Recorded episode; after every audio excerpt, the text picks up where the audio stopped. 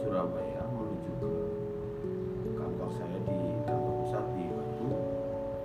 Settingnya adalah saat itu saya berada di terminal Bungurasi.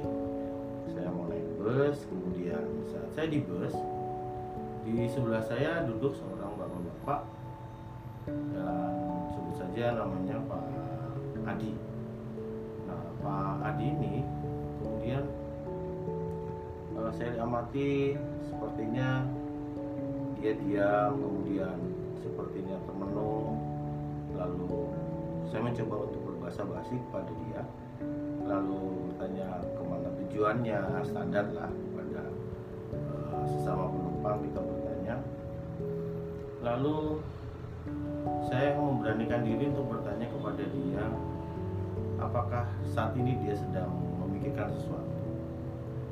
Eh, dan waktu itu beliau menjawab iya mas Eh, usaha yang saya rintis yang saya jalani saat ini mengalami penurunan dan omset itu rasanya kok bukan yang bertambah setelah saya menambah karyawan tapi malah cenderung untuk turun.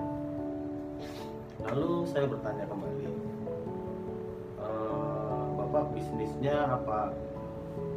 Lalu dia bilang bahwa yang dia lakukan saat ini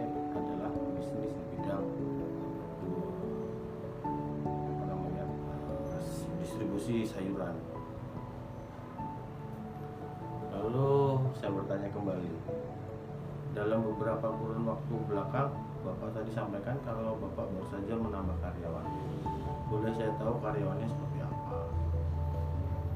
Lalu beliau berkata bahwa dia merekrut beberapa orang eh, anak muda di sekitaran tempatnya dia berada dan juga membuka lowongan pekerjaan di beberapa orang lokal di sekitaran kota Batu. Dari situ saya bertanya lagi, "Loh, kemudian karyawan yang bapak terima seperti apa? Dia menyampaikan kalau karyawan yang dia rekrut itu adalah orang-orang yang memiliki pendidikan setara SMA yang baru saja lulus kemudian dirasa masih bisa ditata. Lalu saya bertanya sudah berapa lama dia melakukan bisnis tersebut? Dan Pak itu bilang kalau kalau saya itu katanya dia sudah menjalaninya hampir kurang lebih 15 tahun bisnis distribusi sayuran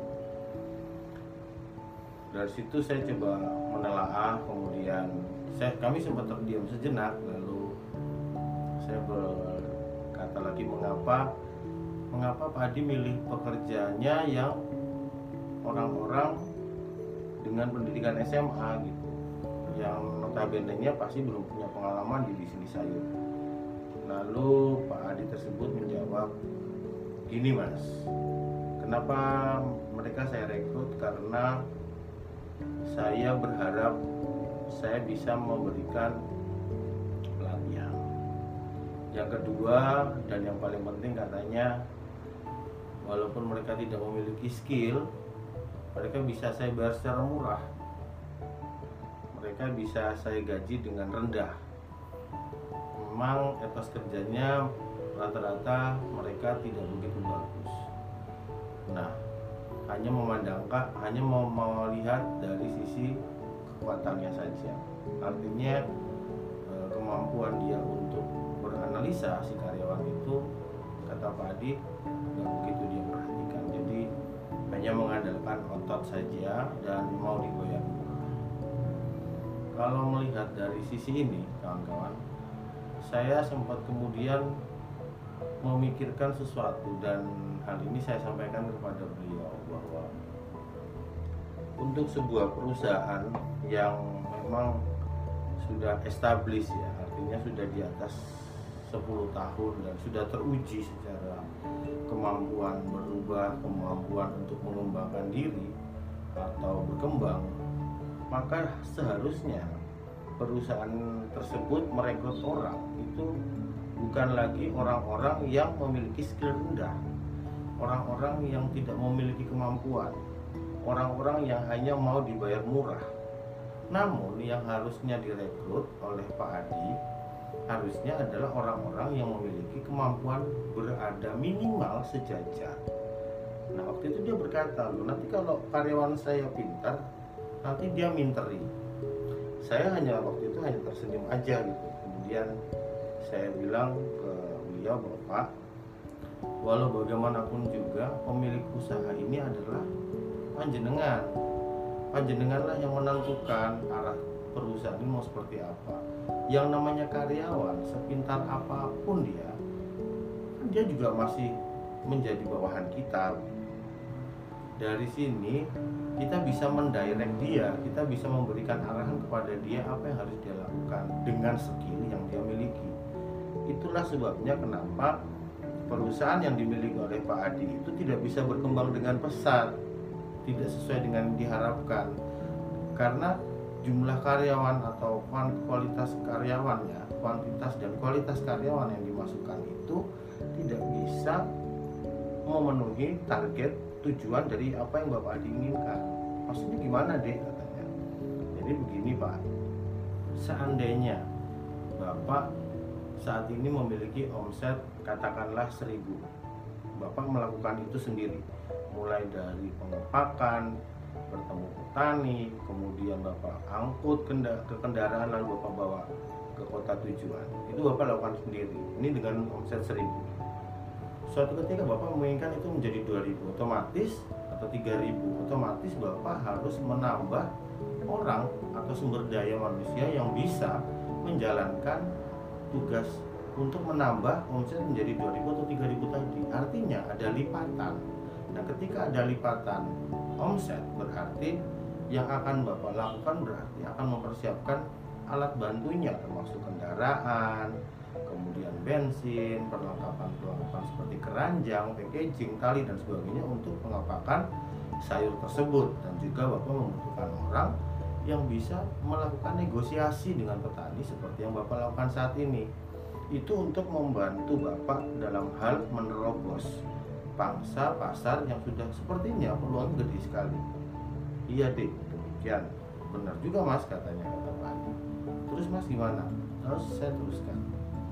Saya sampaikan kepada beliau bahwa kalau Bapak merekrut orang-orang yang tidak memiliki skill minimal seperti Bapak seperti negosiasi, kemudian berbicara dengan uh, customer ya otomatis ataupun dengan petani kemudian teknik bagaimana mengepak yang benar otomatis bapak akan kesulitan karena bayangkan misalnya bapak harus menambah satu unit kendaraan. Di situ harus ada orang yang menjaga mengincharge uh, tanggung, memberi memiliki tanggung jawab menjaga kendaraan tersebut. Artinya bapak satu karyawan bapak satu.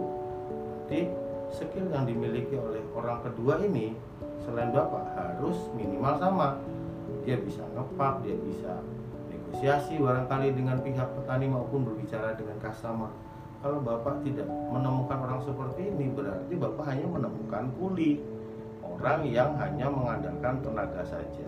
Padahal harapan bapak ke depan kan bapak ingin menjadi uh, distributor dengan skala yang lebih besar.